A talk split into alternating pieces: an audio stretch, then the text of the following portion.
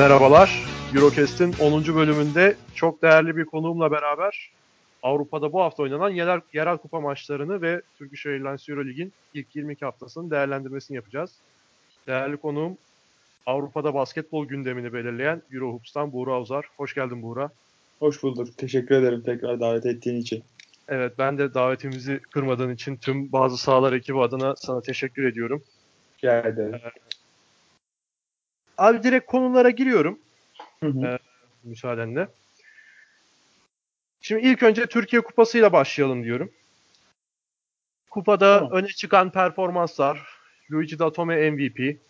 Ee, onun dışında hani Ergin Ataman'ın da açıklamaları oldu. Yine diğer İspanya ve Yunanistan'a nazaran biraz daha yumuşak kalan bir şeyler oldu ama yine hakemden bir yakınma durumu var.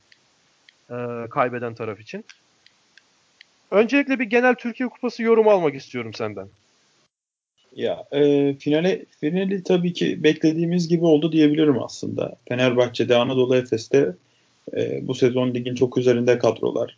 E, muhtemelen lig finalinde de yine birbirleriyle karşılaşacaklar. Türkiye Kupası'nda da durum değişmedi. E, onun onlara geçmeden önce e, hem Beşiktaş'ta, Beşiktaş son Japan'da hem de Türk Telekom'da bazı bireysel performanslar çok dikkatimi çekmişti. Jason Rich'in Tofaş karşısındaki inanılmaz performansı bence takdire şayan. Ee, Anadolu Efes mesela onu Doğuş Balba ile çok iyi kitledi. Bu da Beşiktaş'ı zor duruma soktu. O sayede finale çıktı. Ee, Anadolu Efes. Türk Telekom'da da Landesberg'in yine yani e, sezonu da çok iyi geçiriyor zaten. Onun çok iyi performansları vardı. Bireysel performanslar olarak. Bunlar dikkatimi çekti. Ee, onun dışında bende Tofaş büyük bir hayal kırıklığı yarattı diyebilirim. Ee, Tofaş'ın ben bu turnuvada finale çıkabileceğini düşünüyordum açıkçası. Yani kısa e, birkaç günlük bir turnuva olduğu için hani günlük performanslar çok etki ediyor. Tofaş'ın evet. ben iyi bir şeyler yapmasını bekliyordum ama daha hiç ilk etapta eğlendiler. Dediğim gibi final zaten herkesin beklediği bir finaldi bence. Ee, çok şaşıran olmamıştır diye düşünüyorum bu finale. Finalde ya, e, özür dilerim. Sen yok, devam edebilirsin. Yok yok lütfen. Ben ben özür dilerim asıl. ya söyledim. Finalde bence Efes'in sezon boyunca yaşadığı problemler çok açığa çıkacaktım ben de. Yani Ergin Ataman'ın bir türlü yerli oyuncuları rotasyona dahil edememesi, işte belli başlı yabancı oyuncuların 30 30 dakika üzeri oynaması hem EuroLeague'de hem e, Türkiye Ligi'nde yorgunluk etki etti. E, Fenerbahçe'nin inanılmaz bir savunması vardı. Takdir etmek lazım. Yani iki tane pivotun olmadığı bir günde e, çok iyi savundular. E, tabii ki burada Obradovic farkı devreye giriyor. Onun dışında Sulukas'ta Datome'de çok iyi liderlik ettiler takımlarına. Özellikle Datome'nin şutları e, dönerek attığı o imza şutları gerçekten çok kritikti. Ve savunmada da çok iyi işler yaptı Datome. Kısalar da çok iyi iş yaptı. Uzunları tutma konusunda. Hatta bir ara öyle ki Efes içeriye top bile indiremedi. Yani bu mismatchleri değerlendiremedi bile.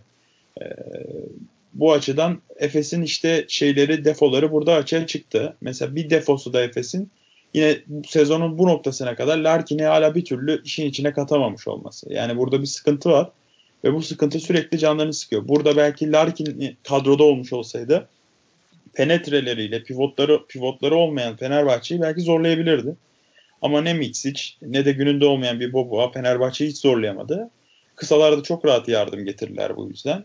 Ee, e, budur, burada da işte Efes'in defoları dediğim gibi ortaya çıktı yani. Bunları Ergin Ataman'ın hala bu noktaya kadar çözememiş olma, olması ilginç geliyor bana.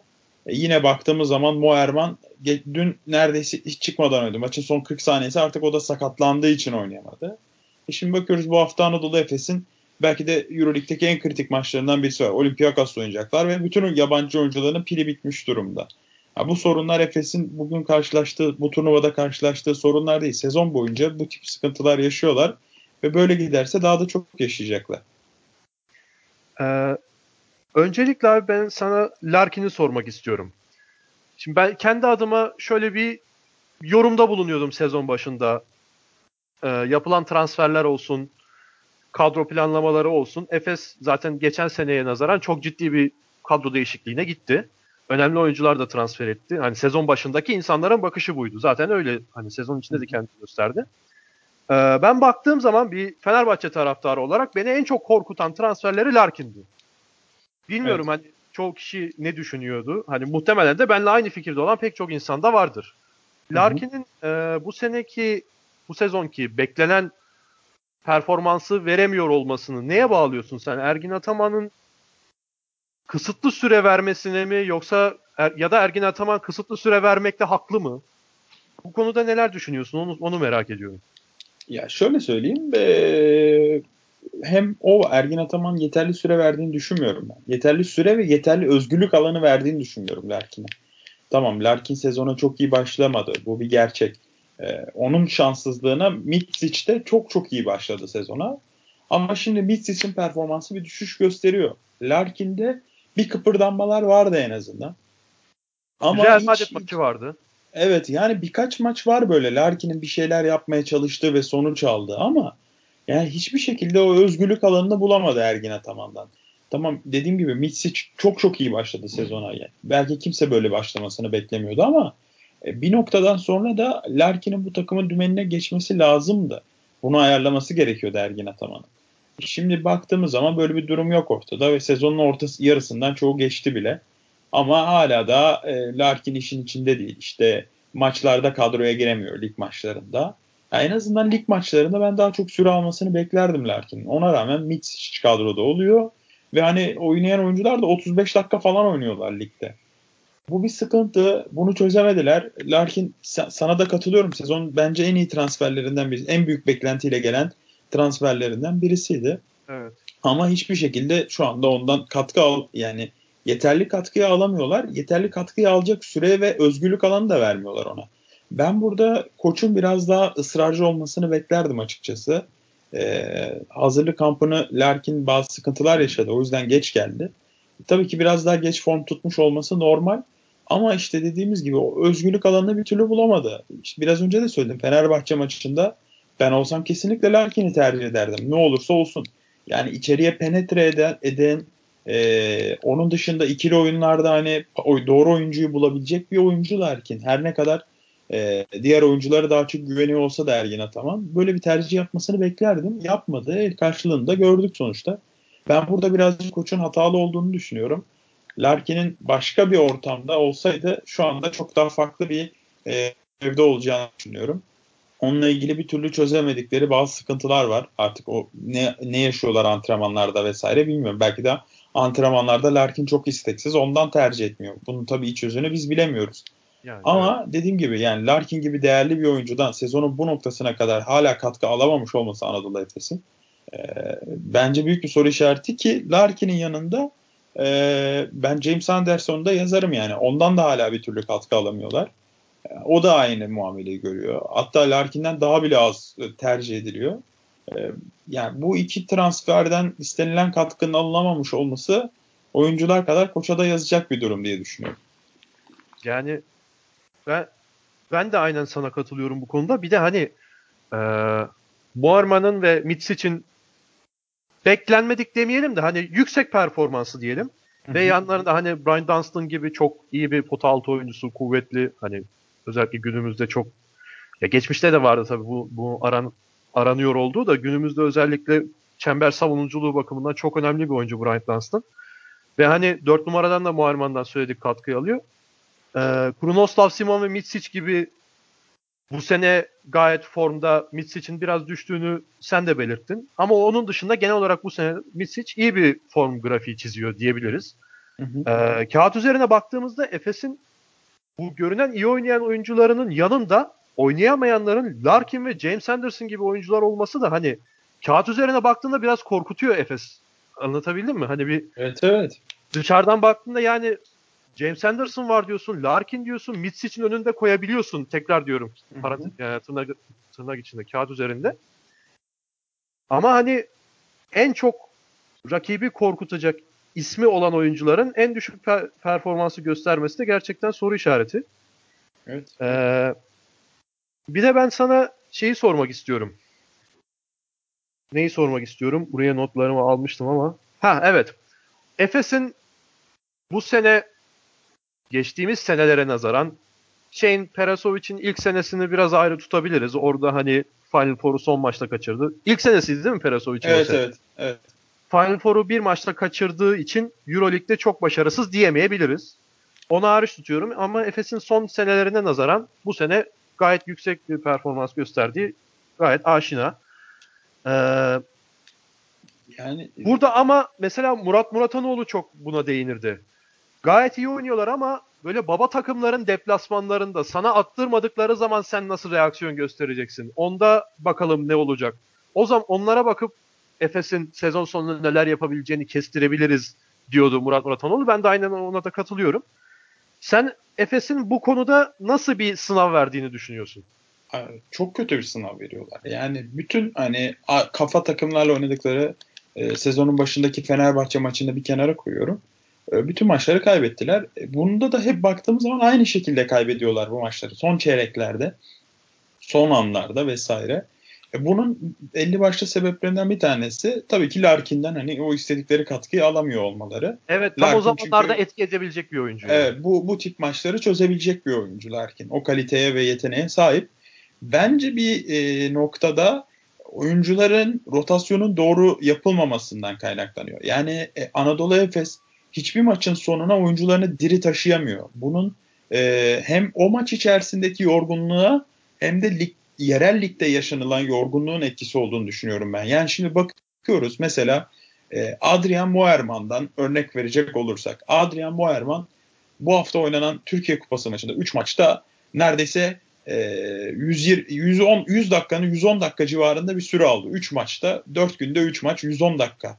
E şimdi evet. bu adam e, Olympiakos'a karşı oynayacak. Perşembe günüydü maç yanlış hatırlamıyorsam. E, arada 2 gün 3 gün dinlenme süresi var. Antrenmanlarını bir kenara koyuyorum yani. Evet. Çıkacak o maçta da 30 dakikanın üzerinde oynayacak Muharrem. Biliyoruz yani bir sakatlığı eğer ki sakatlığı onu rahatsız etmezse. E şimdi Muharrem o maçın dördüncü çeyreğinin sonuna nasıl diri kalsın? Nasıl aynı tempoyu devam ettirsin? Efes de açık alanda oynamayı seven bir takım yani. Hal böyle olunca oyunun sonunda oyunculara yorgunluk etki ediyor. Rakibin tempo yapması, e, rakibin bir ritim bulmasına izin veriyor bu oyuncular yorgun oldukları için ve aynı zamanda doğru tercihler de yapamıyorlar. Bu özellikle Mitsic'te çok e, baş gösteren bir durum. Yani baktığımız zaman Mitsic maçların sonunda bence çok çok kötü tercihler yapıyor. İkili oyunlardan sonra üzerinde uzun varken potaya bakmıyor, potaya gitmiyor. E, geriye çekerek üçlük falan atıyor. Yani bu böyle olursa sonuçta böyle maçları kaybetmiş oluyorsunuz. Bunu Ergin Ataman'ın bence çok önce halletmesi gerekiyordu bu rotasyon konusunu. Halledemediği gibi durum daha da kötüye gidiyor. Şimdi e, herkes her lig maçında oyuncusunu korumaya çalışıyor. Bakıyoruz Fenerbahçe'ye sürekli bir sirkülasyon hakim. İşte bir maç oynayan oyuncu bir sonraki maç e, genelde kadroda olmuyor. Yerellikten bahsediyorum. Evet. E, e, oyuncular da ona göre dinlenmiş bir şekilde Euroleague maçına çıkıyorlar. Ama Efes'te böyle bir sirkülasyon söz konusu değil. Her maçı aynı oyuncular oynuyor. Yani burada e, Ergin Ataman'ın yerli oyunculara sistemi var ama bu yerli oyuncular da Buran Tuncer, Metecan Birsen, Sertaç Canlı geçen sene ligin herkes 5 yerli 5 kursa bu 3 üç oyuncunun 3'ü de olurdu. İşte o yüzden evet, burada Sertaç. aynen öyle. Yani hala daha diğer oyuncuların 35 dakika oynamasına ben çok anlam veremiyorum açıkçası. Ya bir de hani Ergin Ataman da kariyerine baktığımız zaman Efes'ten şimdiki Efes'ten önceki e, genelde böyle topu elinde tutan, birebir oynayan, iş bitiren ve hani sahada general görevi gören guardları sever aslında. Hani mesela Arroyo olabilir, Hı hı. Daha da çok eskiye gidecek olduğumuz zaman İtalya'daki günlerinde Siena'da mesela Naumoski'yi getirtmişti. Siena'ya. Evet. Ee, Efes'te Efes'teki ilk döneminde de hani Hidayet Türkoğlu topu kullanıyordu biraz belki ama Damir Mulomerovic de çok etkin süreler alıyordu ve hani sonraki dönemde de Igor Rakočević vardı mesela. Hani Lark, işte. Evet, Larkin'i de bu şekilde kullanabileceğini de işte beni korkutan da oydu sene başında bahsettiğim e, rakip taraftar olarak. Larkin'i aldı da bunun üzerinden Larkin üzerinden yürür diye düşünüyordum ama yani hayal kırıklığı demeyeyim şaşırttı diyelim hani Larkin'den bu kadar az verim alması. Evet benim ya ben de katılıyorum sana tamamen. Larkin olayını çözemedikçe Anadolu Efes bir sonraki aşaması hep bende soru işareti kalacak. Yani playoff'ta da Larkin'e çok ihtiyaçları olacak. Şimdi Efes hani bir mucize olmazsa playoff biletini kaptı gibi bir şey. Yani ee, evet. Sağ avantajı hani durumları şu anda bir soru işareti ama şimdi baktığın zaman Larkin'siz bir playoff serisine yani Larkin'siz demeyeyim de Larkin'den bu seviyede katkı alırken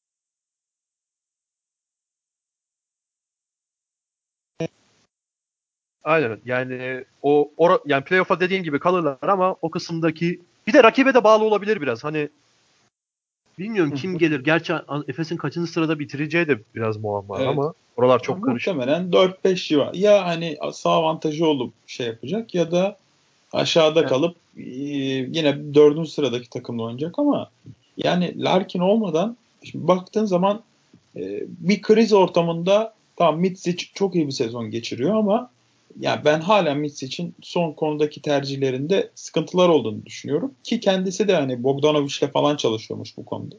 Evet. Yani Larkin gibi bir silah varken elinizde ben bu kadar değerlendir değerlendirememeyi dediğim gibi anlamıyorum yani.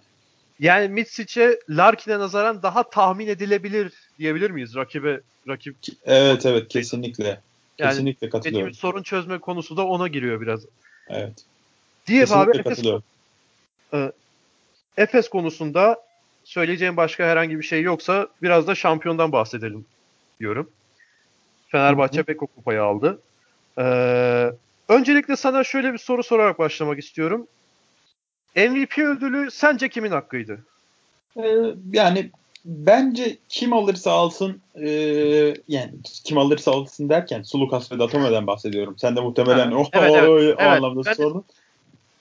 İkisi de bence çok hak etti. Kesinlikle hak etti. Datome aldı. Dediğim gibi Sulukas alsaydı da itiraz etmezdim. Datome alsaydı da itiraz etmezdim ama sanırım Datome'nin savunmada da yaptığı çabaları hani göz önüne alırsak e, belki bir tık önde o yüzden aldı diye düşünüyorum. Çünkü gerçekten ikisi de çok çok değerli bir maç çıkarttılar. Böyle kritik bir ortamda böylesine eksikleri varken bir takımın işte lider dediğim böyle olur. Çıkar ne gerekiyorsa yaptılar. Sulukas oynadı oynattı. Datome en kritik yerlerde çıktı. İşte sırtı dönük dönerek şutlar attı. Takımını rahatlattı. İşte iki tane karakterli, e, yetenekli, kaliteli oyuncunun sahne almasına ve hani bir gösteri sunmasına tanık olduk bize. Yani Sulukas'ın Fenerbahçe'ye gelirkenki kariyer planı da zaten buydu. Hani Spanulis'in arkasında ben e, başrolde olamıyorum baş, bana başrol verebilecek bir takıma gitmem gerekiyor diye düşündü. Yani en azından öyle bir algı var Avrupa basketbolu takip edenler arasında. Ee, ki onu da biraz ulaştı gibi. Yani biraz demeyelim bence gibi, bayağı biraz, ulaştı bayağı, şu anda. evet ben şu an e, refleksif olarak öyle konuştum da e, evet bayağı da ulaştı. Ama hani şimdi şunu soracağım. Bu Türkiye Kupası MVP ödülü tüm turnuva genelindeki performansa göre mi veriliyor, finaldeki performansa göre mi veriliyor? Yanlış hatırlamıyorsam finale göre veriyorlardı. Çünkü hani final, final MVP'si, MVP'si. diye yapıyorlardı. Hı hı. Peki Oylama o zaman falan kabul edilir. Ben hani tüm turnuvaya bakılacak olursa Sulukas'ın daha önde olduğunu düşünüyordum. Evet evet. Ben ee, o yüzden ona göre yaptım yani ben de konuşurken yorumumu. Yani evet çünkü bu mesela ben Gaziantep'te yaşıyorum. 2015 finali Gaziantep'te oynanmıştı. Ee, mesela o zaman da genel turnuva performansı Toma Örtel'in mesela çeyrek finalde Galatasaray'a karşı çok iyi bir oyun oynamıştı o zaman. Finalde Dario Saric Fenerbahçe'ye karşı çok etkiliydi. Hani savunmada, hücumda falan ama MVP'yi Örtel'e vermişlerdi o zaman. Hani biz de arkadaşlarla aramızda Saric hak ediyor falan diyorduk ama Demek ki o ara kimin aklına eserse herhalde yani bilmiyorum ama. Ya bu tip şeylerde bir gariplik var açıkçası. Mesela Final Four'da Final Four MVP'si diye hani dağıtılıyor şeyler oylama basını. Evet Orada ama hani final nasıl bir şey olduğunu bilmiyor. Yani işte biraz da oylama verenlerin de hani yaklaşımı o an Datome'nin performansı onlara daha sıcak geldiği için mesela yani sıcak evet. olduğu için öyle bir karar vermiş olabilirler. Ben de tam kestiremiyorum. Ee, asıl olaya geçecek olursak Fenerbahçe'nin iki önemli eksiği yani biri bir, bir önemli eksiği takımın en iyi oyuncusu denilebilecek. Hani Fenerbahçe'de en iyi oyuncu diye tabir edilmeyi muhtemelen Obradovic sevmiyordur. Ama illa böyle bir sıfat koyacaksak Yan Veseli yok. Ee, bir de Yan Veseli'nin alternatifi olarak oynayabilecek olan Geoffrey Lovern de yoktu. Yani pota altıdaki bir ve ikinci sıraya yazacağımız iki oyuncu olmamasına rağmen bilmiyorum istatistiklere şu anda ulaşamıyorum ama Brian Dunstan çok da etkili olduğunu söyleyebilir miyiz? Ondan emin değilim. Buradaki Fenerbahçe'nin yaptığı savunmayı nasıl değerlendirebiliriz? Ee, yani şöyle söyleyeyim. E, Brian Dunstan kendi standartlarında bence gayet iyi bir maç geçirdi. Ama e, şimdi karşısında senin de dediğin gibi iki tane ana pivot olmayan bir takım var. Efes'in burayı daha çok işlemesi gerekiyordu. Onu yapamadılar. Orada işte sıkıntı e, kısaların bir tehdit görmemesinden kaynaklanıyor. Birincisi bu. E, şöyle söyleyeyim yani yardım çok rahat getirebildi Fenerbahçe kısaları ve Efes içeriye topu indirmeye çalıştığı zaman böyle bir gömüldüler. Orada bir kere ana pasın doğru şekilde gelmesini çok önlediler. Ee, burada tabii büyük bir başarı bu Obradoviç adına. Çok iyi bir şekilde ayarlamış durumu. Onunla evet. birlikte e, yani Efes bir türlü Fenerbahçe'nin bu içerideki şeyini tehdit edebilecek bir noktayı bulamadı. E, yani mesela hücum reboundlarına çok etkili girdiler. Evet katılıyorum. E, burada bir üstünlük kurdular ama baktığın zaman şimdi Dunstan'dan gelen bir e, ona yanlış hatırlamıyorsam 15 sayılık bir katkı var. Ama mesela Dunstan çok daha uygun pozisyonlarda buluşabilirdi topla. Bazı pozisyonlarda çok zor bir şekilde basketi buldu. Evet, Keza Muerman'a bırakmışlığı vardı mesela. Evet evet. Sulukas'la Kalinic'in üzerinden miydi? Yani bir zorlanmış. Çok sayı. zor yani birkaç pozisyonda basket foul oldu falan temasla bitirdi hani. Ama baktığın zaman hiçbir şekilde Efes kısalarından bir türlü istenilen katkı gelmedi. Boboa piyasada hiç yoktu. İçeriği zorlayamadı. 3 sayılıklarda evet. 6'da 0 mı 7'de 0 mı ne attı? E öyle olunca Fenerbahçe savunması da çok rahat gömüldü içeriye. E, bu yüzden de hani bir burada bir Efes'e eksi yazar. İşte az önce de dedim ya Larkin'i nasıl almazlar ben şaşırıyorum diye. Evet. Ee, işte mesela Larkin olsa başka bir şey konuşabilirdik ama Fenerbahçe gerçekten çok iyi savunma yaptı bu maçta. Yani Larkin olsa bile Fenerbahçe bu kadar üst düzeyde bir savunma yapacaktı muhtemelen. Ee, işte Avrupa'nın en iyi savunmalarından birisi Fenerbahçe. Hatta belki de en iyisi. Bunu gösterdiler sahada. Forvetlerden çok iyi yardım geldi. Kalinic e, topa baskıyı çok iyi yaptı. Datome e, 4 numara oynadığı dönemde çok iyi yardıma geldi. Onunla birlikte keza Melli, Ahmet de sahada olduğu zaman da çok iyi iş çıkarttı. Sonuçta böyle olunca da Fenerbahçe kontrolü ele aldı. Bir ara Efes e, artık hani işi inada çevirdi. O top oraya inecek tarzında oynadı. Üst üste 5 evet. pozisyon falan top kaybı yaptılar. Uzun evet. süresi doldu vesaire. İşte bunlar takım savunmasının e, takımda savunma bilincinin olmasının, iletişimin yüksek olmasının savunmada bir göstergesiydi.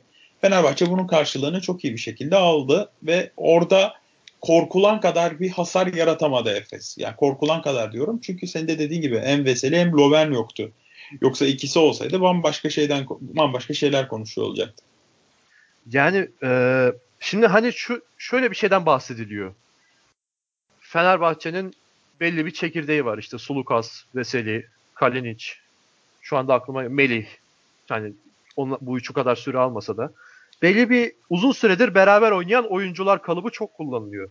Uzun süredir beraber oynayan oyuncuların yani kendini en net gösterdiği alan yani e, eylem değil mi? Savunma yapmak yani hani uzun süre oynayan takımın kendini en net belli ettiği hani biz yani beraber olduğunu çok net olarak izleyicilere gösterdiği şey savunma. Hani Fenerbahçe'nin bu maçtaki galibiyetinin bağlanılabileceği ilk faktör Fenerbahçe'nin uzun süredir aynı çekirdeği koruyor olması denilebilir mi? Kesinlikle denilebilir. Ya artık gözü kapalı biliyorlar ne yapacaklarını. Bu yani sadece nereye yardım edeceğinde birisi yani mesela atıyorum Sulukas bir yere yardıma koştuğunda Kalin için o, o anda tam olarak nerede duracağını veya Kalin Sulukas'a bakmadan o anda nerede nereye yardıma gittiğini falan artık kafaya yazmışlardır. Kesinlikle öyle. Yani ezbere biliyorlar hani takımın ana çekirdeği birbirini ne yapacağını ezbere biliyor. Bu sadece bu bu sezon için e, bu maçı özelinde değil tüm sezon için de geçerli.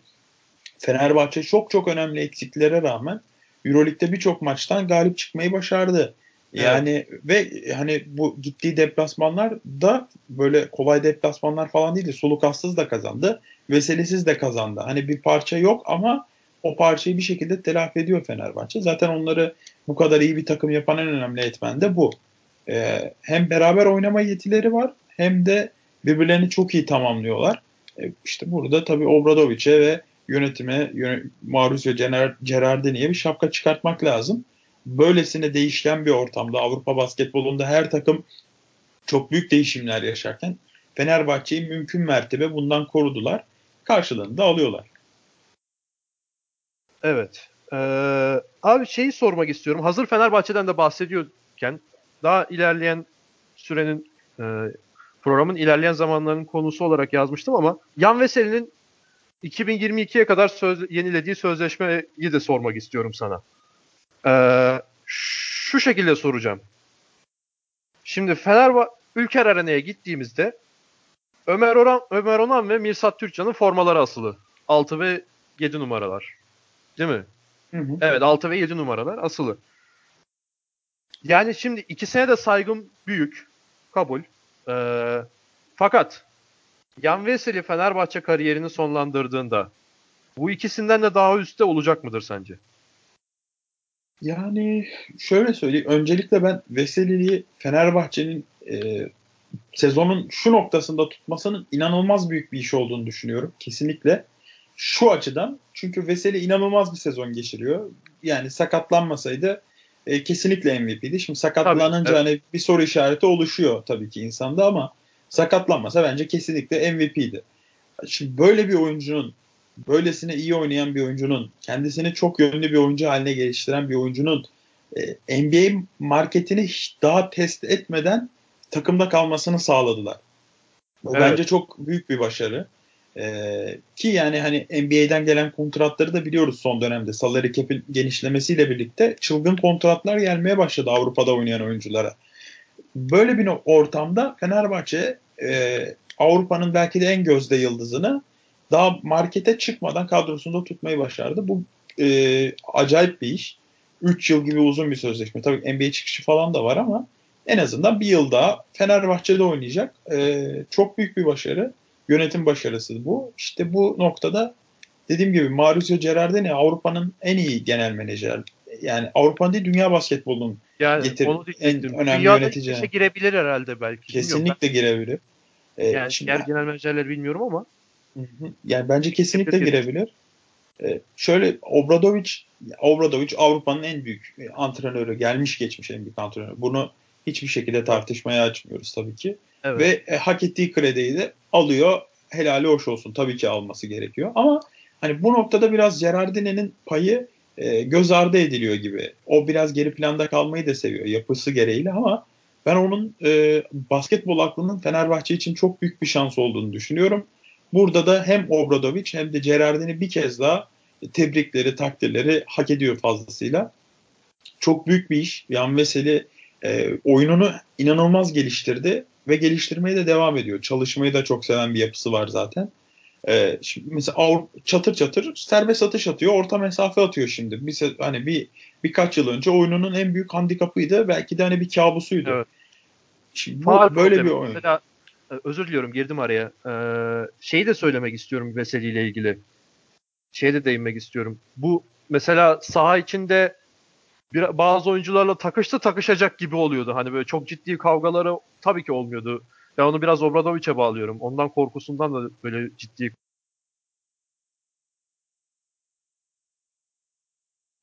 Fakat hani eskiye nazaran çok ciddi oranda azaldı. Tahriklere, provokasyonlara biraz daha az geliyor gibi. Hani şöyle bize mesela kötü performans gösteriyorsa maçın başında bunu geçen seneki finalde gördük. Maçın geri kalanını yıkıp gidebiliyordu. Geçen seneki finalde mi 2016 finalinde de gördük bunu. Hani hı hı. yani maçın geri kalan belli bir kısmında başlangıcı istediği gibi yapamıyorsa maçın geri kalanını çok oynayamıyordu yani. Onda da biraz hani birkaç maçta bu konuda da bir gelişme gördük. Hani en büyük handikapı dedin sen. Serbest atışlardan bahsettin. Diğer bir handikap olarak da ben bunu görüyordum. Hani sen de bu konuda hemfikir misin? Sana öyle sorayım. Evet ya ben de öyle düşünüyorum. İşte ama dediğim gibi hani her konuda kendini geliştiren bir oyuncu. E, maçların e, istikrar konusunda kendini çok geliştirdi. İşte diğer konularda da kendini geliştirmeye devam ediyor. Böyle de devam edecektir diye düşünüyorum. Yani İnşallah. So, tabii ki. Sonuçta yani sonuçta dediğimiz gibi Avrupa'nın en iyi basketbol akıllarıyla beraber aynı organizasyonda çalışıyor. Ee, yani Fenerbahçe adına çok çok önemli bir e, gelişme, çok çok önemli bir artı bu. Aynı zamanda Fenerbahçe organizasyonunun da ne kadar kaliteli bir organizasyon olduğunu gösteren bir gelişme. Evet. Yani birçok organizasyon en iyi oyuncusunu NBA'ye uğurluyor her sene sonunda. Şimdi Fenerbahçe tamam Fenerbahçe'de de çok önemli oyuncular ayrıldı. İşte e, Bogdanovic olsun, Yuda olsun ama özellikle Bogdanovic'i yani Doncic gibi düşünüyorum ben onu. Onun da zamanı gelmişti ve Avrupa'ya çok çok fazla bir yetenek. E tabi Fenerbahçe'de işte bu böyle birlikte karşılığını alıyor emeklerinin. Bu sezonda finalin en önemli adaylarından birisi Fenerbahçe. Bu durum yani bir tesadüf eseri değil. Tabii ki evet. Ben bu şey e, Mauricio Gerardini hakkında söylediklerin için de sana ekstradan teşekkür etmek istiyorum. Ben daha önceki bölümlerde de bundan bahsettim. Gerardini'nin hakkı pek verilmiyor, görülmüyor ya da daha az bahsediliyor diye. Aynı fikirde olan özellikle senin konumunda birini görünce de hoşuma gitti yani. O konuda sana teşekkür ediyorum. Rica ederim. Ee, Türkiye kupasını kapatıp abi şeye geçelim diyorum. Ee, komşuya gidelim. Yarı finalde kıyamet koptu. Yani bilmiyorum daha büyük olaylar tabii olmuştur. İbrahim Kutluay'ın oynadığı zamanları hatırlıyorum böyle bir maç yarım kalmıştı falan da. Hani yine bir hakem mi beğenmeme durumundan dolayı maçın devre arasında yani ikinci yarısına çıkmama durumu var. Panathinaikos Olympiakos maçında. Olympiakos o akadaki maçın ikinci yarısına çıkmadı hakem kararlarını beğenmediğinden dolayı. Ee, Aris Barkas'ın yazdığı haber haber mi bilmiyorum sana sorayım onu. O haber mi kendi yazdığı köşe yazısı gibi? Biraz, bir biraz şey hani yorum yorum haber diyelim. Öyle evet yani. hani yani zaten daha önce maça çıkmamayı kafaya koymuş da insanlara hakemlerin as buna nasıl hata yapılacağını falan gösteriyor gibi bir Olympiakos'un böyle bir tavır takındığına dair bir şey yazmış. Yorum haber. Ee, Euro, Euro Hoops'ta. Ee, yani bu Aris Barkas'ın kendi yorumu değil mi? Ya evet öyle diyebiliriz. Hani o aylara o açıdan bir bakış. Ee, Ki benim de katıldığım bir bakış bu arada. Yani Olympiakos maçtan önce de çıkmamayı aslında yani çok da yani kafaya koymuş öyle mi? O evet, şekilde. Yani, biraz, biraz anlatabilir misin onu? Ya şöyle orada işler maçtan önce çok karıştı zaten. Ee, Olympiakos'un e, bayrak adamlarından birisi olan Yorgos Printezis'in hani takımdaki mali sorunlarla ilgili açıklamaları ses kaydı olayı evet. Evet, ses kaydı alınmış ses kaydı e, medya tarafından yayın medya e, Dimitris Yanakopoulos'un e, sahibi olduğu bir medya kuruluş, ortağı olduğu bir medya kuruluş tarafından yayıldı. E, evet. Ve bunun bir, tabii ki planlı olduğunu iddia etti e, Olympiakos yönetimi de. İşte oradan başlayan bir savaş, e, Yanakopoulos'un tabii ki olayları körüklemesi e, vesaire. Zaten çok aşırı gergin bir ortam vardı maç daha başlamadan önce. Yani bayağı odunu atmışlar yani. Tabii tabii yani iki tarafta hiç ağzın şey yapmadı, sakınmadı ağzını. Odunu atmışlar elde varil benzinle bekliyorlar yani. Aynen öyle. Yani garip bir ortam vardı zaten. Şimdi böyle olunca bir de oradaki maçta tabii ki seyircinin falan da bir e, yarattığı bir atmosfer var. E, Olympiakos'un ben oraya ben de oraya planlı gittiğini düşünüyorum açıkçası. E, planlı gitti demeyeyim de şartlı gittiğini düşünüyorum. E, hani onları o maçın tamamlanmayacağı aslında çok da belliydi. Yani devre arasında verilmiş karar değil bu diyorsun. Ben de öyle düşün. Ya ben öyle evet. düşünüyorum. Çünkü yani maçı maçı izliyordum ben. izledim. Ee, orada tamam hakem hataları tabii ki var ama yani böyle bariz maçın sonucunu değiştiren hani çok açık bir foul çalınmadı vesaire vesaire diyemem. Çünkü normal basit hakem hataları vardı. Yani çok da bir şey olmayan. Şöyle sorayım e, Buğra sana. Bu Real Madrid Barcelona maçındaki Singleton'a Anthony Randolph'un bildiğin baltayı indirmesi gibi bir olay var mıydı? Yok yok kesinlikle yoktu. Ya o, o çok acayip zaten. Ona da birazdan değineceğim. Evet. Ee, yani öyle bir olay yoktu hani sahaya çıkmamayı göster gerektirecek bir durum yoktu. Sonuçta tabii ortalık gerildi. Çıkmadılar. E, çıkmama kararını aldılar. Olay büyüdü. İşte bir kadının iç çamaşırını bıraktı Yanakopoulos Olympiakos bencine. Yani ya, Yanakopoulos zaten delinin önde gideri yani. Hani bunu söyleyebiliriz. Deliden evet. daha başka sıfatlar da kullanabilir. işte deli yani. diyelim kibar olsa. yani Abi 20 yıl önce bitmesi lazımdır. Yani korkak eşittir kadın metaforu yani hani. Tabii, Ve 20 tabii. yıldan Ya daha eski bitmesi lazımdı yani. Hala aynı olay. O biraz bana iğrenç geldi açıkçası yani. Ona hiç girmek bile istemiyorum ben de açıkçası. Çok saçma bir yani hareket. Ama dediğimiz gibi sonuç olarak e, böyle tatsız bir ortam oluştu. Şimdi Olympiakos eksi 6 puan ceza aldı. Daha da hani ileri gittiler. Biz bir daha Panathinaikos'la oynamayız e, yurt dışından hakem gelmediği müddetçe falan diyerek. Ama tabii bunlar ne derece hani bir e, devam ettirilebilecek? Yani nasıl diyeyim? Altı ne derece doldurulabilecek? Asıl nokta bu soru işareti. Ben çok sanmıyorum. Yani ama Avrupa'nın dört bir yanında diyeyim bir anda Euroleague seviyesindeki takımların ağlamasını da hakemler aç- hakemler diye ağlamasını da manidar buluyorum açıkçası. Şimdi biraz komplo teorisi gibi olacak ama Ben o Real coğrafyayı Madrid- biraz daha küçülteyim abi. Akdeniz kıyısı diyeyim sana. hem o hem de yani şeyden dolayı e, Euroleague takımları bunlar ve e, şimdi hep konuşulan şey Euroleague'in eninde sonunda bir kapalı lig haline dönüşeceği ve hani yerel liglerden ayrılacağı hep bu muhabbet dönüyor. Evet. Yani acaba bu onun bir ilk adımı mı? Hani kulüplerin yavaş yavaş söylenmeye başlaması e, birkaç yıl sonra tabii ki hani yarın öbür gün değil de birkaç yıl sonra bakın işte biz diyorduk siz bize inanmıyordunuz işte biz şimdi de çıkıyoruz falan deyip hani onun altına bir bahane mi? Öyle düşünüyorum. Ee, yani dediğim gibi hakem hataları hep oldu. Hep de olacak. Bizim ligimizde de çok fahiş hakem hataları var ki hatta bizim ligimizdeki Evet. hatalar bence daha fazla. Yani diğer ligleri bilmediğim için bizim ligimizde de çok ciddi yani. Ya ben şunu açıkça söyleyeyim abi. Bilmiyorum. Ee, bu konuyla ilgili fikrimi de belirteyim. Taraftarlık duygumdan dolayı da böyle düşünüyor olabilirim ama Veseli ve Kalinic'e karşı bir ön yargıyla çıkıyorlar gibi hissediyorum ben. Ben daha çok Fenerbahçe maçlarını izlediğim için böyle düşünüyorum. Hani Ya, ligin te- tamamını takip o- edemiyorum ama diğer başlarda neler olur bilmiyorum. Oyuncu özelinde ben aslında bir şey hani bir nasıl diyeyim bir şartlanma olduğunu düşünmüyorum da hakemlerimiz gerçekten çok kötü ya. Yani Normal sıradan pozisyon değerlendirmede de büyük sıkıntıları var E, yani. yani herkese karşı çok kötüler bir de. Şöyle diyeyim. Yani mesela bir maç e, X bir takıma lehine hatalar yaparken bir sonraki maç o X takımı bitirebiliyorlar direkt. Yani maçın kaderini doğrudan etkileyen hataları var. Şimdi ve bu sadece bir maçla sınırlı değil dediğim gibi. Her maç, hemen her maç ligi, ligde herhangi bir ma- maçı açın.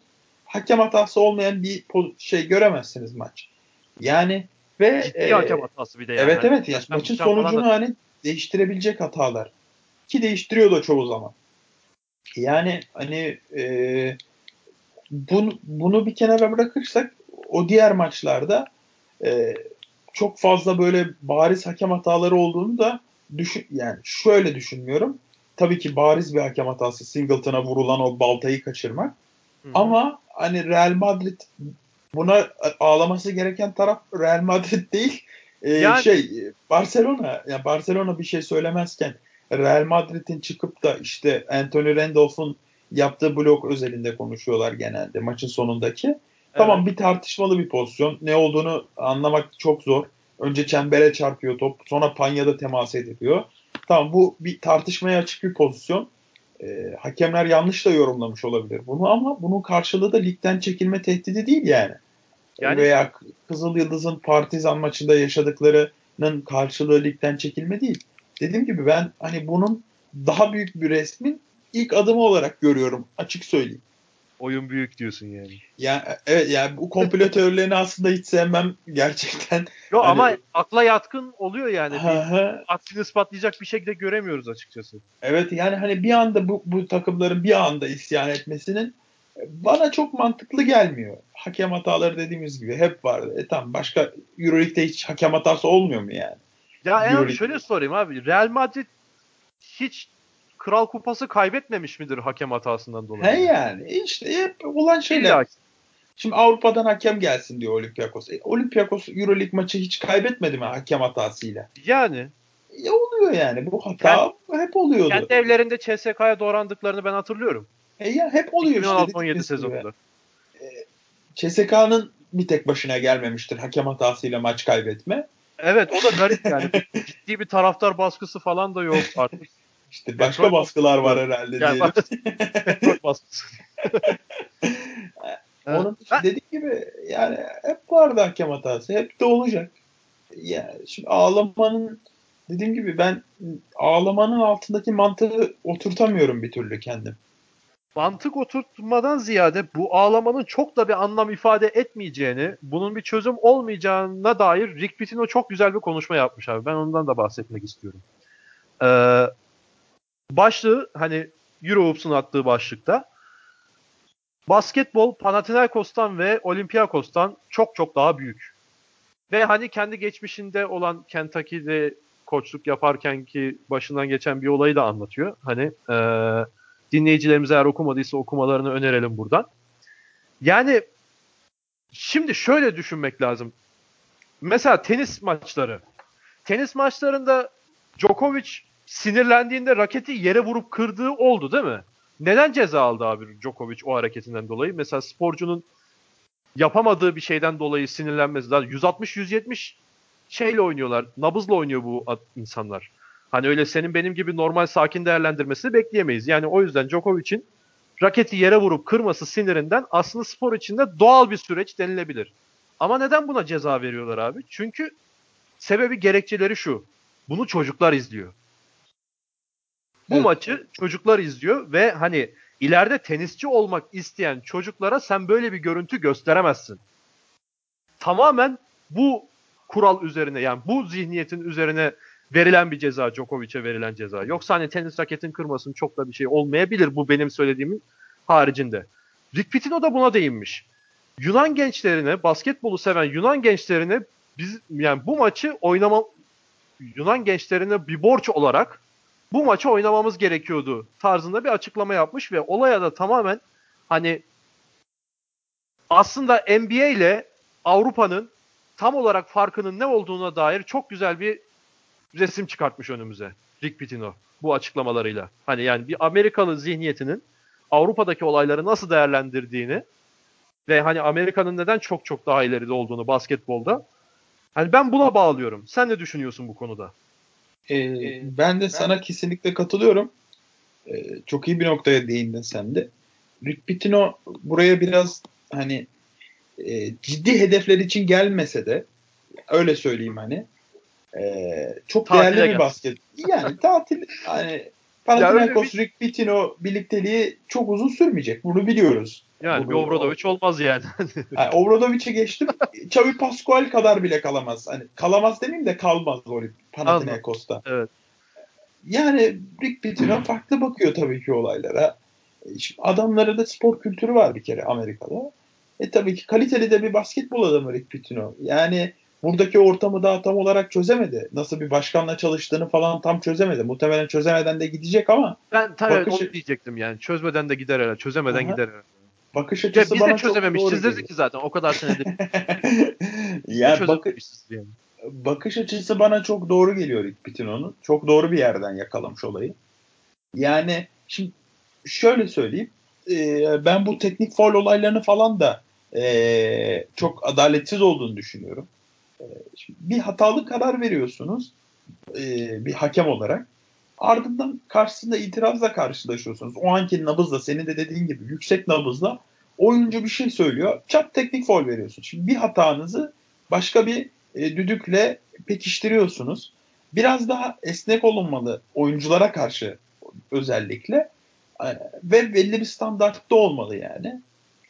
İşte e, Pitino'nun söyledikleri dediğim gibi ben, benim için bence de çok doğru. Şimdi burada yaratılan bu kaos sonu ne olacak ben de çok merak ediyorum. Onun anlam verememesi çok normal. Amerika'dakilerin de anlam verememesi çok normal. E, çünkü onlar başka bir bakış açısıyla bakıyorlar olaya. Yani bu başlık tam olarak bakış açılarını gösteriyor zaten. Basketbol Panathinaikos'tan ve Olympiakos'tan çok daha büyük. Aynen öyle. Yani basketbol e, basketbolun ön planda olması gereken yerde Avrupa basketbolunda biz sürekli farklı şeyler konuşuyoruz. Yok FIBA Euroleague çekişmesi, yok işte milli takıma kim oyuncu yollayacak, kim yollamayacak, yok hakemler, yok bilmem ne.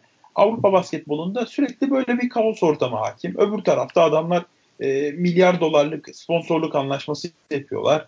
Bütün takımlar kar ediyor. İşte en e, spor e, ekonomisi listelerini kasıp kavuruyorlar karlarıyla. Hı hı.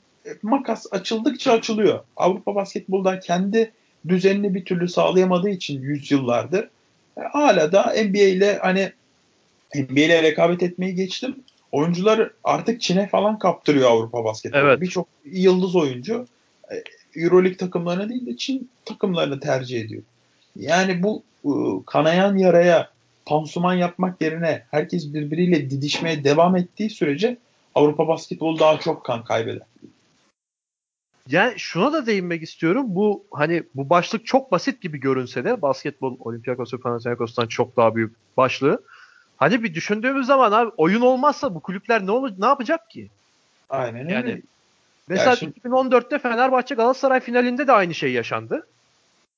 Yani o kadın iç çamaşırı koyma olayı işte etek metek koyma olayları falan oldu. Yani bayağı benzer şeyler oldu. Devre arası olmadı da son maçı çıkmamıştı Galatasaray.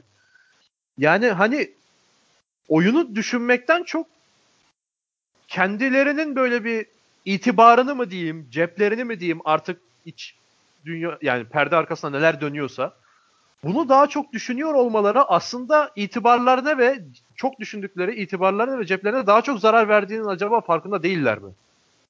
Bunu bu şekilde davranan insanlar. O konuda ben, hani işte değiller yani. Şimdi bu. Bak, baktığımız zaman 5 farazi bir konuşma olacak belki ama 5 sene sonraya gidelim. NBA bu şekilde devam ederse NBA başarısına başarı katmış olacak. Avrupa basketbolunda içindeki sorunları çözemediğini varsayalım. Makasın daha da açıldığını düşünelim. Şimdi e, X bir oyuncuya NBA'den gelecek kontrat miktarı birkaç katına daha da fazla çıkmış olacak. Zaten şu an hali hazırda daha fazla da. Evet. Birkaç ya bir daha fazla. kadar para veriyorlardır bir oyuncuya. ya şimdi Veseli'den Veseli çok güncel olduğu için ondan örnek vereceğim. Ee, yanlış anlaşılmasın hani. Yok, Veseli NBA'ye yollamak istiyor falan diye bir hani tepkiyle karşılaşmak istemem. Ben ee, Fenerbahçe şimdi... taraftarı adına sana böyle bir şey söylüyorum Burak.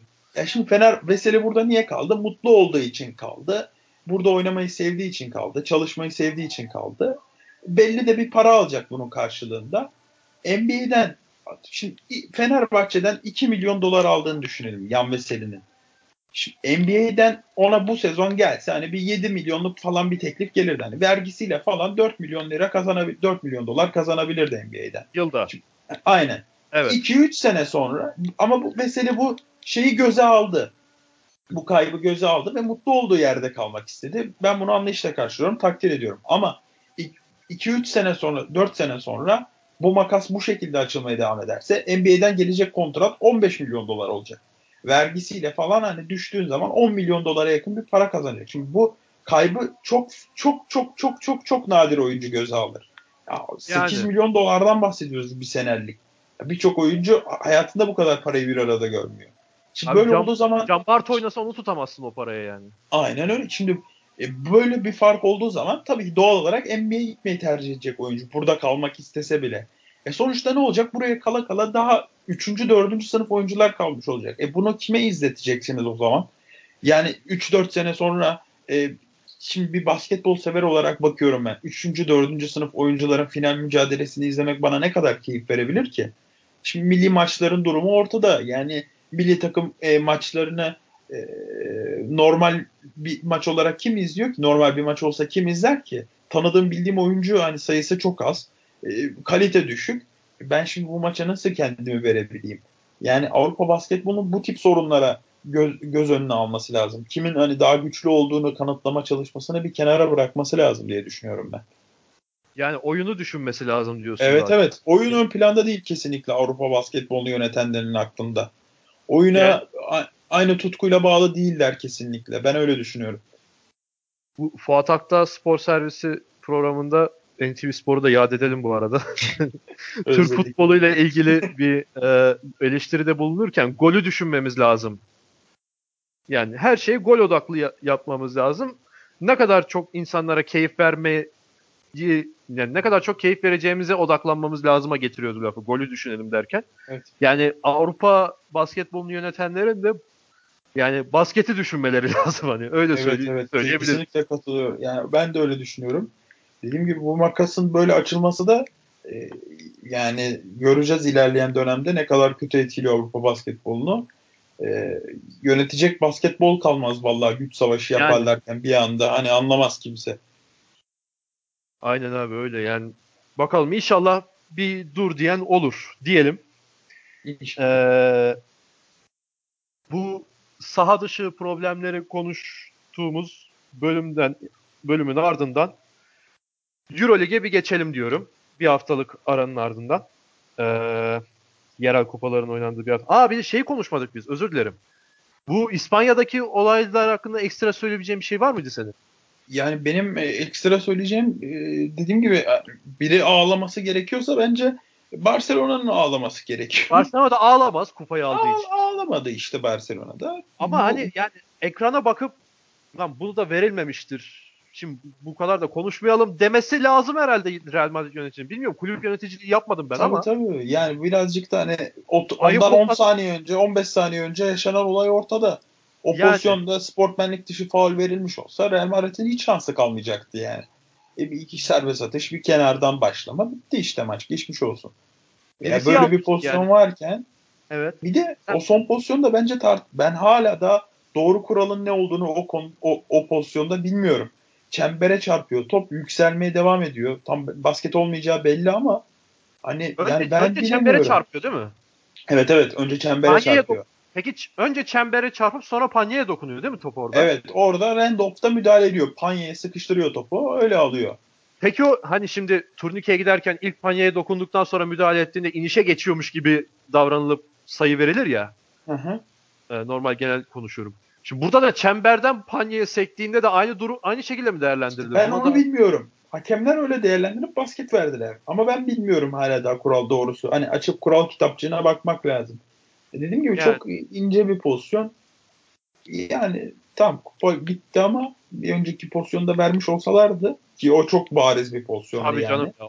Yani eğer bir tartışılacak bir şey var yani tartışılacak demeyeyim de itiraz edilecek bir şey varsa odur yani o. Evet yani o yüzden bence yersiz bence ağlaması bu kadar. Kızıl Yıldız Partizan maçını ama hiç bilmiyorum. Ona bakma şansım olmadı açıkçası. Onu o konuda ya. bir yorum yapmayayım ama onların da ağlamasını aynı anda ağlamasını dediğim gibi manidar buluyorum. Oyun büyük diyoruz tekrar. Evet evet evet. Ya onu da buradan yayıncılara da seslenelim. Bir Adriatik Ligi yayınlasınlar ya. Bir böyle Sırbistan falan izlemek istiyorum ben de açıkçası. Buradan Ay. kendi şahsi duyurumu da yapayım. ee, Euroleague'e geçelim. Az önce ben geçişi yaparken son anda İspanya aklıma geldi. O geçişi tekrardan buraya alıyorum. Gelecek hafta Anadolu Efes e, çok kritik bir maça çıkıyor. Hani direkt sıralamadaki rakiplerinden birisiyle. E, şimdi dördüncü sırada Anadolu Efes 14 galibiyet. Barcelona 13, Olympiakos 12, Bayern Münih 11. Baskonya ve Milano'da 11 gidiyor. Arkasından Maccabi falan. Hani orası bayağı bir cadı kazanı. En önünde de Efes var. Olympiakos'u yani sağ avantajını sağ avantajını perçinlemek istiyorsa, sağ avantajı konusunda daha avantajlı olmak istiyorsa Olympiakos'u mutlak suretle yenmek zorunda. Biraz bahsettik Türkiye Kupası'nı daki maçın üzerinden de hani çok faz yani dar rotasyon kullandığı Ergin Ataman'ın Olympiakos maçında özellikle Muharman'ın ne kadar süre alacağının bir soru işareti olduğundan falan bahsettin sen. Ee, genel olarak sırf Olympiakos maçı odaklı konuşacak olursak başka neler söylenebilir? Öyle sorayım sana e, ya Efes kısmından çokça bahsettik. Hani oraya artık e, devam senin de söylediğin yani, evet. Muharman'ın durumu falan çok belirleyici olacak. Doğru evet.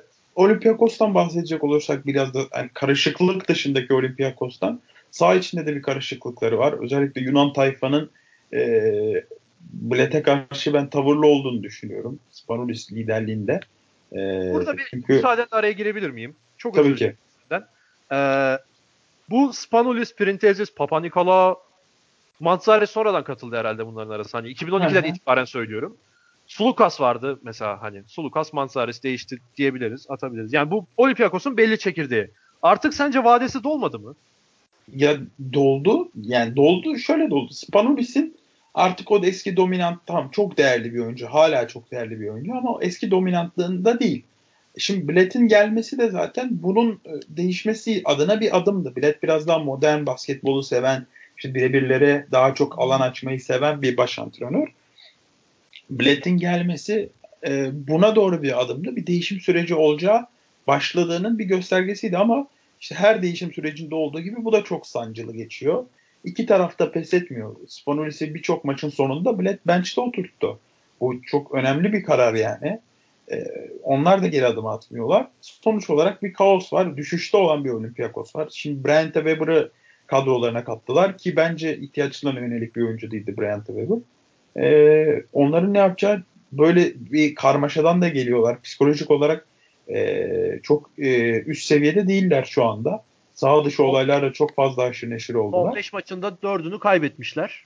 E, oyun olarak da işte dediğim gibi düşüşteler. Ben Efes'in bu maçı e, Muerman tam kapasitede olmasa da bile alacağını düşünüyorum. Alması gerektiğini düşünüyorum özellikle.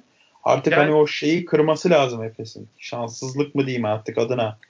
E, hani ne denir tam da bilmiyorum.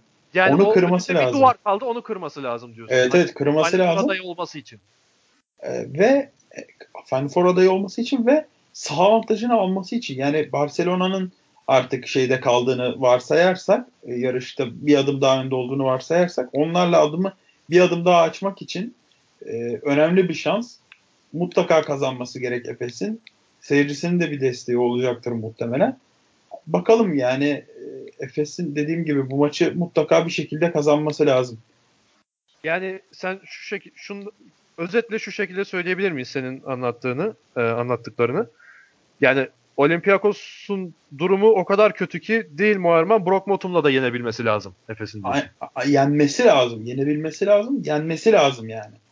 Yani illa yani, Brock Motum değil artık bu ara bu evet, evet. mi olur? Kim olur? Ya mutlaka yani. birisiyle yenmesi lazım. Bu maç yani. çok önemli bir maç. Ee, başka da hani Efes'ten de sen de söylediğin gibi Türkiye Kupası konuşurken de uzunca bahsettik. Olympiakos hakkında başka söyleyeceğim bir şey de yoksa abi ben şu Rick Pitino'ya tekrar geri dönmek istiyorum. Son açıklamaları değil de Fenerbahçe Panathinaikos maçı sonrası söyledikleri hani Fenerbahçe NBA'de olsa Golden State'ten sonraki en iyi şutör takım olur. Veya işte savunmaları biraz farklı. iyi veya kötü demiyorum. Sadece farkı belirtmeye çalışıyorum gibi. Veya işte atın beni Marmara'ya artık. yani konuştu da konuştu abi. Hani böyle yani Şimdi Rick Pitino'nun Euroleague'e bir renk kattığı kesin. Yani şöyle söyleyeyim. Şimdi David Blatt da vardı bu vereceğim örneğe ama şimdi NBA'de şöyle bir şey vardır ya mola sonraları veya işte devre araları, çeyrek aralarında koçlarla bir röportaj yaparlar kısa hemen. Ee, ona röportaj diyor. Başka bir ismi var mı onun o yani quick, yani quick interview diye diyorlar ha, ama. Evet. Ya hızlı röportaj diyelim bize. Çabuk röportaj. Çabuk röportaj yaparlar ve çok böyle müthiş bir Amerikan İngilizcesi aksanı çıkar. David Blatt haricinde de Avrupa'da böyle konuşan bir hoca yoktu. Panathinaikos'a ilk geldiğinde Rick Pitino ilk maçı CSK maçıydı.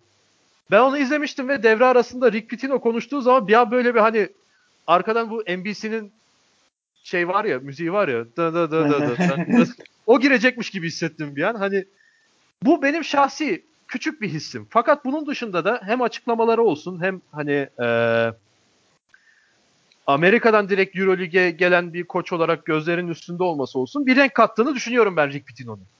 Evet. Bilmiyorum bu konuda sen ne düşünüyorsun? Bunu soracağım. Bir de ikinci bir soru olarak da e, Fenerbahçe'nin NBA'de oluyor olsaydı ne olacağına dair senin senaryon nedir? Bunu şu yüzden de soruyorum. Özellikle çok özür diliyorum. Burada tekrar araya gireceğim. Bizim bazı sahalar grubunda da çok tartışılan bir konudur bu. Hani e, burada senin de fikrini merak ediyorum. Ee, şöyle söyleyeyim. Pitino konusunda ben de katılıyorum. Yani çok özel bir e, renk oldu.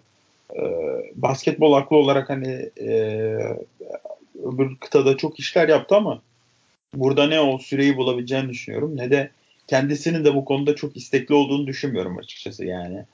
Ben buraya geldim takılıyorum işte keyfime bakacağım falan diye düşündüm. Biraz Mikanos'ta takılırım işte. Aynen San, öyle Santorini yani. gezerim. Keyfime bakarım dediğini düşünüyorum ama senin de dediğin gibi çok özel bir renk. Ee, kısa sürede olsa burada görmek güzel bir tecrübe.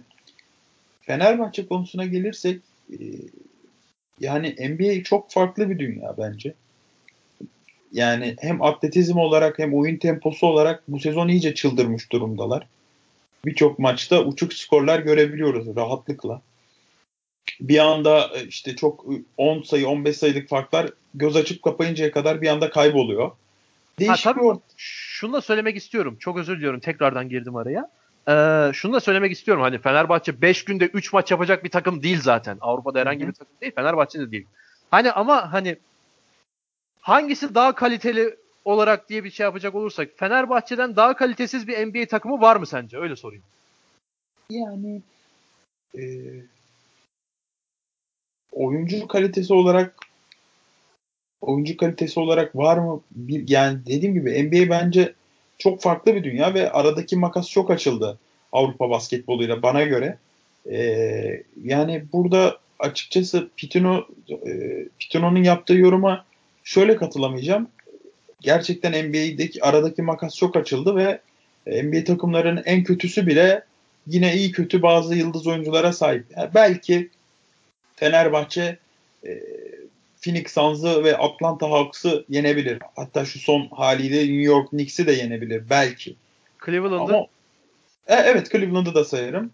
Ama işte tamam. belki diyorum ona rağmen. Çünkü gerçekten bir, öyle bir atletizm farkı var ki artık arada. Yani bu e, fark eskisine göre çok açıldı. Fenerbahçe çok or, mesela organizasyon olarak baktığımızda işte koç kalitesi olarak baktığımızda Fenerbahçe kat kat önünde. Belki de birçok NBA takımından daha iyi. Yani hani gerçekten e, Pitino'nun dediği gibi sadece Golden State Warriors falan daha iyi olabilir. Ama öyle bir ortam yok işte. Yani şimdi bakıyoruz en kötü kadro e, diyelim. Cleveland'ı hadi bir kenara koyuyorum.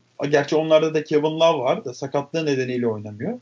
Hı hı. Yani Avrupa'dan çok daha kaliteli kadrolar. E şimdi burada e, burada beğenilmi bu orada beğenilmeyen birçok oyuncu geliyor burada buranın tozunu attırıp gidiyor falan yani. E, böyle bir durum ortaya çıktı. Avrupa basketbolunun işte yerinde saymasından dolayı kaynaklanıyor bu. E, Fenerbahçe çok değerli, çok kaliteli ama e, işte dediğim gibi yani biraz bu makasın e, açılması en çok Fenerbahçe Fenerbahçe gibi hani dev takımları etkiledi. Şöyle yani onlar yine kadroyu koruyorlar belki ama diğer takımlardan aldığı oyuncularla NBA arayı iyice açıyor. Yani NBA Avrupa'ya bakacağı zaman ilk Fenerbahçe'ye bakıyordur mesela. Evet yani işte Fener... ondan bahsediyorsun değil mi? Hem öyle hem de yani Fenerbahçe elindeki kadroyu koruyor ama yanını mesela dolduracak bir oyuncuya atıyorum 200 bin dolar verecekken şimdi 400 bin 500 bin dolar vermek zorunda kalıyor. Bu bir külfet yaratıyor. Ee, işte Avrupa basketbolunun bunlara önem vermesi lazım. Bu gibi konularla uğraşması lazım birazcık. Bu takımları nasıl koruyabileceğini. Mesela Fenerbahçe e, Fenerbahçe'nin hala bu kadar az para kazanabiliyor olması bana göre skandal Avrupa basket Avrupa basketbolu adına bir skandal. Yani, Euroleague'e evet. katılan takımları daha bahsetmiyorum sadece. FIBA Şampiyonlar Ligi'nde de durum farklı değil yani. Hani yani, yerelliklerde mesela yerelliklerde de durum aynı. Şimdi ben bunu gördükçe şaşırıyorum. Ee, anlam veremiyorum. Dediğim gibi bu konulara asıl adapte olmaya çalışsa herkes bütün takımlar sonunda kazanacak ve en sonunda basketbol kazanacak bunu. Yani ortak Fenerbahçe... kazançtan çok ben öne çıkayım sevdası evet. biraz da yani. O yüzden yani Fenerbahçe hani e, hala soru işaretli işaretiyle yaklaşmamın sebebi bu. E, Fenerbahçe çok organize bir takım. Mesela Obradovic e, Atlanta Hawks'a bir hafta çalışsa Atlanta'yı Fenerbahçe yener kesinlikle. Şimdi bu Obradovic farkı olur yani. Belki Tam biraz bir, daha... aynı cümlelerle senin cevabını ben bu soruyu şeye de sordum. Ee, Eurostep programına da sordum. Uğur Ozan Sulak, Murat Muratanoğlu, Alen Dikmen'in oldu. Hı? Tam senin son kurduğun cümleyi Murat Muratanoğlu kurdu. Obradovic bir hafta çalışsa yener dedi. Evet ya işte bu Obradovic'in kale ama mesela Pablo Lasso yenemez. Veya atıyorum e, bana göre başka bir koç yenemez. Bu Obradovic'in farkı. E, ama mesela bir haftadan sonra bir hafta çalışıp Atlanta'yı yendikten sonra iki gün sonra da Phoenix Suns'a çıksa Phoenix Suns da Fenerbahçe'yi yani, paramparça eder. Evet işte o yüzden Fenerbahçe'nin kötü olduğunu göstermez. Aradaki makasın çok açık olduğunun bir göstergesidir. Tempo farkının özellikle yani. Tempo beş... evet aynen öyle ve yani kadro kadrolarda da işte e, yani Fenerbahçe eskisi kadar oyuncu gelmiyor Avrupa'ya. Fenerbahçe istediği takviyeleri yapamıyor vesaire vesaire. Yani dediğim gibi Avrupa basketbolunu biraz daha bu konuya yönelseler çok daha iyi olacak her şey. Evet. Abi sen şeyi söyledin. Ee, NBA'de pek varlık gösteremeyen oyuncu Avrupa'ya geldiği zaman buranın tozunu attırabiliyor demiştin. Buradan sorulara geçerken tam olarak bu soruyu soran e, bazı sahaların nasıl diyeyim bir saniye çok özür diliyorum senden. Fırat Ayrıl'ın bir şeyine bakacağım profiline. Evet co-founder bazı sahalar. Kendisini co-founder olarak tanımlıyor ki öyledir de zaten. Bazı sahaların co-founder'ı e, Fırat Ayrıl'ın sorusunu soracağım sana. NBA'de hiç varlık gösteremeyen Şved'in Euroleague'de süperstar olması hakkında ne düşünüyorsunuz? Buradan da sorulara geçmiş olalım. Ee, Şivet çok yetenekli bir skorer. Her ne kadar takım oyununa hani çok fazla uygun olmasa da. Kimki'de de bütün ipler onun üzerinde. Bütün her şey onun üzerinden dönüyor. İstediği ortamı bulmuş durumda ve rahat rahat oynuyor. Yetenekli bir oyuncu. Yani her oyuncu NBA'in temposunu kaldırabilecek durumda değil. NBA'de çok aşırı bir tempo var. Yani maçtan çıkıp 15-16 saat içinde bir başka maç daha oynuyorsunuz. Uçağa biniyorsunuz o arada. Gidiyorsunuz vesaire vesaire. Yani NBA'yi her oyuncu kaldıramaz. Burada ben bu ama bu NBA'yi kaldıramaması da onun kötü oyuncu olduğunu da göstermez yani. Öyle de bir gerçek var. Şimdi Şvet tamam orada başarılı olamadı ama Şvet e, Avrupa basketbolunun en iyi oyuncularından bir tanesi. E burada da skorer yeteneklerini ortaya çıkarttı. Ve e, bunu yapmasında Kimki'de olmasının da ciddi bir payı var. Çünkü gerçekten Kimki'de bütün her şey Şvet'in üzerinden dönüyor. Belki son sakatlandığı dönemde bu durum biraz değişti ama normalde her şey Şivet, Şivet sahadaysa herkes Şivet'e bakıyor. Boş ucumda bile Şivet'i arıyorlar. O da yetenekli bir skorer atıyor yani. Şunu soracağım. Şivet'in etrafına kurulu bir takım olduğunu söyledin Kimki'nin. Bu soruyu ben eklemek istiyorum. Şimdi Alexey Şivet Eurobasket 2017'de gördük. Yani bilmiyorum sen ne düşünüyorsun? Öncelikle şu soruyu sorayım. Rusya Şivet olmadan yarı final yapabilecek bir takım mıydı sence? İmkansız bence. Değil mi? Evet yani o seviyeye çıkaran adam Şivet. Yani Evet evet. Şved'in etrafına doğru bir yapılanma kurulduğu zaman Şved takımını üst kademeye çok yani bayağı ilerilere belki de şampiyonluğa kadar taşıyabilecek bir oyuncu. Kimki'nin Şved'in etrafına doğru bir yapılanma kurduğunu düşünüyor musun sen? E, düşünmüyorum. Yani değişik şeyler deniyorlar. Bu sene gerçi çok fazla sakatlık problemi yaşadılar. Onu bir kenara koyuyorum ama senin dedi yani ben az önce bunu söylerken bir eleştiri manasında söylemedim. Şved'in etrafına kuruyorlar işte onu arıyorlar evet. vesaire diye. Şivet, Bu doğru bir yapılanma zaten. Ben de katılıyorum sana bu konuda. Yani Şivet şöyle söyleyeyim yani belki biraz uçuk olacak örnek ama James Harden'ı bu kıtanın yani. Savunmaya çok fazla konsantre olmaz ama hücumda evet. E, yapabilecekleri çok üst düzey. Hem kendi oynar hem işte arkadaşlarına oynatır. Yani üst düzey bir oyuncu Alexey Şivet onun etrafına takım kurabilirsiniz ve o, o sizi üst seviyeye taşıyabilir. Ama doğru oyuncuları seçmek çok önemli işte bu takımı kurarken. Yani gidip de ne bileyim arkasına aslında tamamlayıcı oyuncuları da bu sene fena kurmadılar ama bir anda hepsi sakatlandı. İşte Anthony Gill de gitti. O da gitti. Bilmem ne de gitti. Evet. E, dağıldılar sonuç olarak. Sonra gene bir toparlar gibi oldular. Ama beklentinin uzağın yani sezon geçen sezon ki şeyin uzağındalar. Playoff'ta yapamadılar da. Yapamıyorlar zaten. Ee, Yani ben öyle düşünüyorum. Alexey Şivet kötü bir oyuncu değil. Bence çok çok üst düzey bir skorer. Evet, Avrupa ben... basketbolu için. NBA'de yapamamış olması da yani her oyuncu NBA'de yapamaz. Şimdi NBA belki izlemesi bize konuşması kolay geliyor ama dediğim gibi yani o seyahatler, o yolculuklar, arkasından maçlar, Abi farklı rakam... değil ya. Evet. Kolay. Yani gece 3'e falan koyuyorlar her gün her gün. ben kaydedip sabah izleyebiliyorum yani. Kaydedebilme imkanım var benim. Olamayan ne yapsın? Evet yani sonuç olarak oraya uyum sağlayamamış olması normal. Yani birçok oyuncu gitti geldi buraya. Juan Carlos Navarro NBA'in e, NBA'de hiç yapamadı. Avrupa basketbolunu evet. gördüğü en efsane basketbolculardan birisi. Yani bir örnek bu sadece. Birçok evet, bu örnekler Spanulis aynı şekilde. Aynen. Diamantidis hiç gitmedi. Belki o da gitse aynı şey olacaktı. Yani, yani yap, yapılamayabilir. Olabilir. Yani bunlar e, yarın öbür gün başkası gider yapamaz. Vesaire. Bunun çok önemli ölçüt olmadığını söylüyorsun. Aynen öyle. Ben yani ola, olabilecek şeyler bunlar. E, dediğimiz gibi NBA farklı bir dünya yani. NBA farklı bir dünya deyip ikinci sorumuza geçelim abi. Mert Demircioğlu. Kendisi de bazı sahalardan arkadaşımız e, Premier Lig Süper Lig ve NBA yorumlarıyla renk katıyor diyelim. Başka da bir şey yapmıyor. Renk katıyor. Mert Demircioğlu'nun sorusu Itudis'in kredisi ne zaman bitecek? CSK seviyesinde bir koç mu sizce? Ben bana göre hayatta değil Itudis. Yani CSK seviyesinde bir koç değil. E, kredisi ne zaman biter? Bence bitti kredisi. Bana kalırsa geçen sene bitmişti kredisi. Bu sene Ama şampiyon yani. olamazsa gider diyorsun. E, o, şampiyon olsa bile mi gider? Yani şampiyon olacaklarını sanmıyorum ben. Ee... Neden ya? Bunu sormak istiyorum sana Buğra. Şimdi CSK'ya baktığım, konuştuğumuz zaman kağıt üzerinde Avrupa'nın en iyi takımlarının CSK kesin bir yazılıyor. Final Four adayınız kim diyor. Herkes CSK diyor tamam mı? Peki neden şampiyon olmaz diyen insanlar da bir o kadar çok oluyor? Çünkü şöyle yani bu sezonki kadro üzerinde konuşacak olursak yani kötüler. yani bu, bu kadar kaliteli oyunculara sahipler. Ama işte Decolo ile arasında bazı sorunlar olduğu konuşuluyor. Sergio Rodriguez'le işte bazı sorunlar olduğu konuşuluyor. Bakıyorsun sahaya da bu durum yansıyor açık açık açık yansıyor yani. Hı hı. Adamlar hala da keskin oynayamıyorlar. Şimdi Fener bir tarafta final adayı dediğimiz Fenerbahçe çıkıyor çatır çatır kazanıyor. Real Madrid çıkıyor çatır çatır kazanıyor maçlarına. Yani ve kadro kadrolarındaki her parçadan katkı alıyorlar. Şimdi Real Madrid bir bakıyorsun Campazzo ile falan maç kazanıyorlar.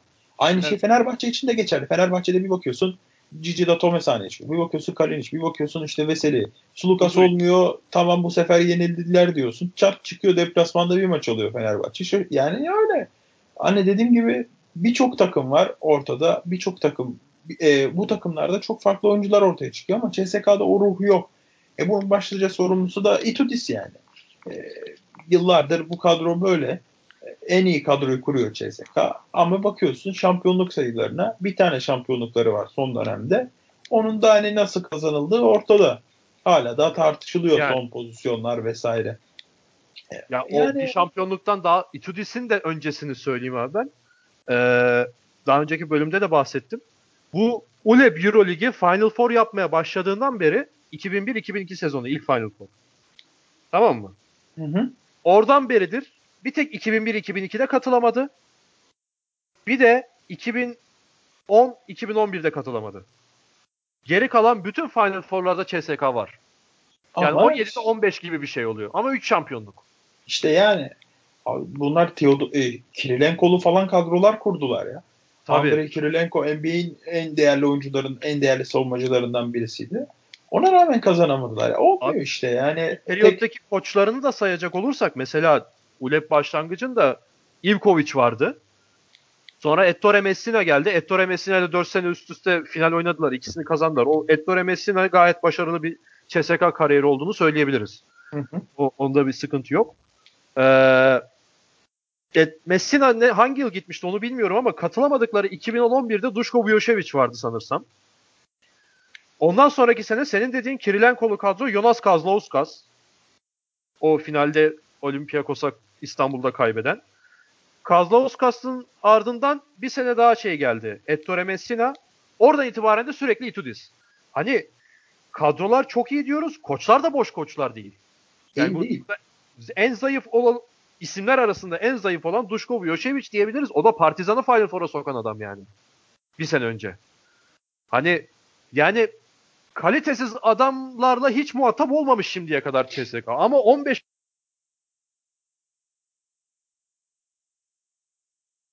başarısızlık yani. Evet. Bu Ve sebebi ne, ne olarak sen tanımlarsın? Şöyle büyük üstad Mustafa Sandal'dan söyleyeyim o zaman. Hani evet. Araba araba şarkısında var ya onun arabası var. güzel mi güzel. Şoförü evet. de var özel mi özel ama maalesef ruhu yok. Ruhu yok. Ruh yok yani abi. Ruh bir dediğim şeyle taraftara bağlanır mı? Hem taraftar hem işte oyun içer. Ya mesela e, Fenerbahçe'nin kimliği var. Savunma değil mi? Fenerbahçe evet. savunma takımı gerçek bir takım diyorsun. Real Madrid keza aynı şekilde. Hücumda Real Madrid hani adamı yakaladı mı çarpar diyorsun. Hı-hı. Ve şey ama CSK'ya ne diyebiliyorsun abi? Ve Olympiakos'un prime döneminde adamı ha. dövüyorlar. Aynen. İşte organize diyorsun. takım diyorsun Olympiakos'a. İşte bir ruh var diyorsun. Yunan tayfanın getirdiği bir ruh. Evet. İşte Spanoulis var diyorsun. CSK'ya ne diyebiliyoruz abi? Ne neyi var CSK'nın? Tamam her her şeyi var belki ama neyi Edgar var yani? Messina döneminde Son- çok sağlam savunma yaptığını okuyordum ben gazetelerden. Evet yani o, o dönemler farklı. Son dönemlerden ben hani son dönem Son özelinde dönemler konuşuyorum. Itudis üzerine konuşuyoruz. Evet. Bir Ne Mert- oynuyor mesela CSK? Ne oynuyor? Açık alan Ne diyorsun. oynuyor? Bir bakıyorsun açık alan oynuyorlar diyorsun. Bir bakıyorsun ertesi maç dekoloya bakıyorlar falan böyle. Bizi kurtar abi dercesine. Ya böyle işte dediğim gibi ruh, ruhu yok. Taraftarı zaten yok. İçeride bir baskı oluşturamıyorlar. Hakem baskısı var sadece oluşturabildikleri. Hı hı. Yani işte, e, artık ben bu sene de CSK'nın şampiyon olmasını çok çok çok zor olarak görüyorum. E, imkansıza yakın diyorum hatta. Ne Real Madrid'den ne de Fenerbahçe'den daha iyi bir takım CSK. Eğer takım içi problemleri çözemezse hatta e, hani e, daha da büyük bir sürpriz yaşayabilirler. Hiç beklemedikleri bir anda sezona veda edebilirler. Yani Final Four gelemeyebilir diyorsun. Aynen. Ee, O, o zaman Itudis zaten sezon sonunu beklemez ya muhtemelen. ben her türlü Itudis'in gideceğini düşünüyorum ya. Ya işte hani Artık- dedin ya sen Final Four'a kalamazlarsa eğer kalamama ihtimallerini söyledin. Bence o zaman. Itudis sene sonunu da göremez. Ya kesin göremez zaten de işte hani ben o yani Itudis'i kalsa da kalmasa da Vatutu'nun onu gözden çıkarttığını düşünüyorum artık. Yani. Ya çünkü şeyi söyleyeceğim. CSK'nın Final Four'a kalamıyor olması az önceki bahsettiğim istatistikten dolayı da çok büyük olay yani Avrupa basketbolu Aynen. için bence. Yani Aynen ciddi öyle. bir haber. Aynen öyle. Diyelim abi eee, başka herhangi bir yani konularımızı bitirdik. Senin ekstradan söylemek isteyeceğin bir şey, değinmek istediğin bir konu yoksa bitirelim. Zaten her şeye her şeye değindik. Yani gayet güzel oldu. Orada Sürçülisan ettiysek affola. Aslında aynen öyle. Yani tekrardan söylüyorum. Teşekkür ederim davetimizi Ben, kabul ben teşekkür ederim. Çok Davet da ettiğiniz keyifli bir sohbet oldu. Benim için de öyle. Ee, inşallah ilerleyen programlarda da tekrar bir araya gelebiliriz. Bakalım. Tabii, çok isterim. Çok teşekkürler tekrardan katıldığın için. Ee, Euroca- Eurocast'ın 10. bölümüne burada çok değerli bir konuğumuz Buğra, o- 10. bölümünde çok değerli bir konuğumuz Buğra Uzar'ı ağırladık. Bir dakika ya veda konuşması yapamadım burada. Ee, 10. bölümünde sonuna gelmiş olduk. Buğra Ozar'la çok keyifli bir sohbet yaptık. Ben çok keyif aldım. Kendisinin de keyif aldığını umuyorum. Ben de öyle Evet. kesinlikle. Haftaya tekrar görüşmek dileğiyle. Hoşçakalın. Hoşçakalın.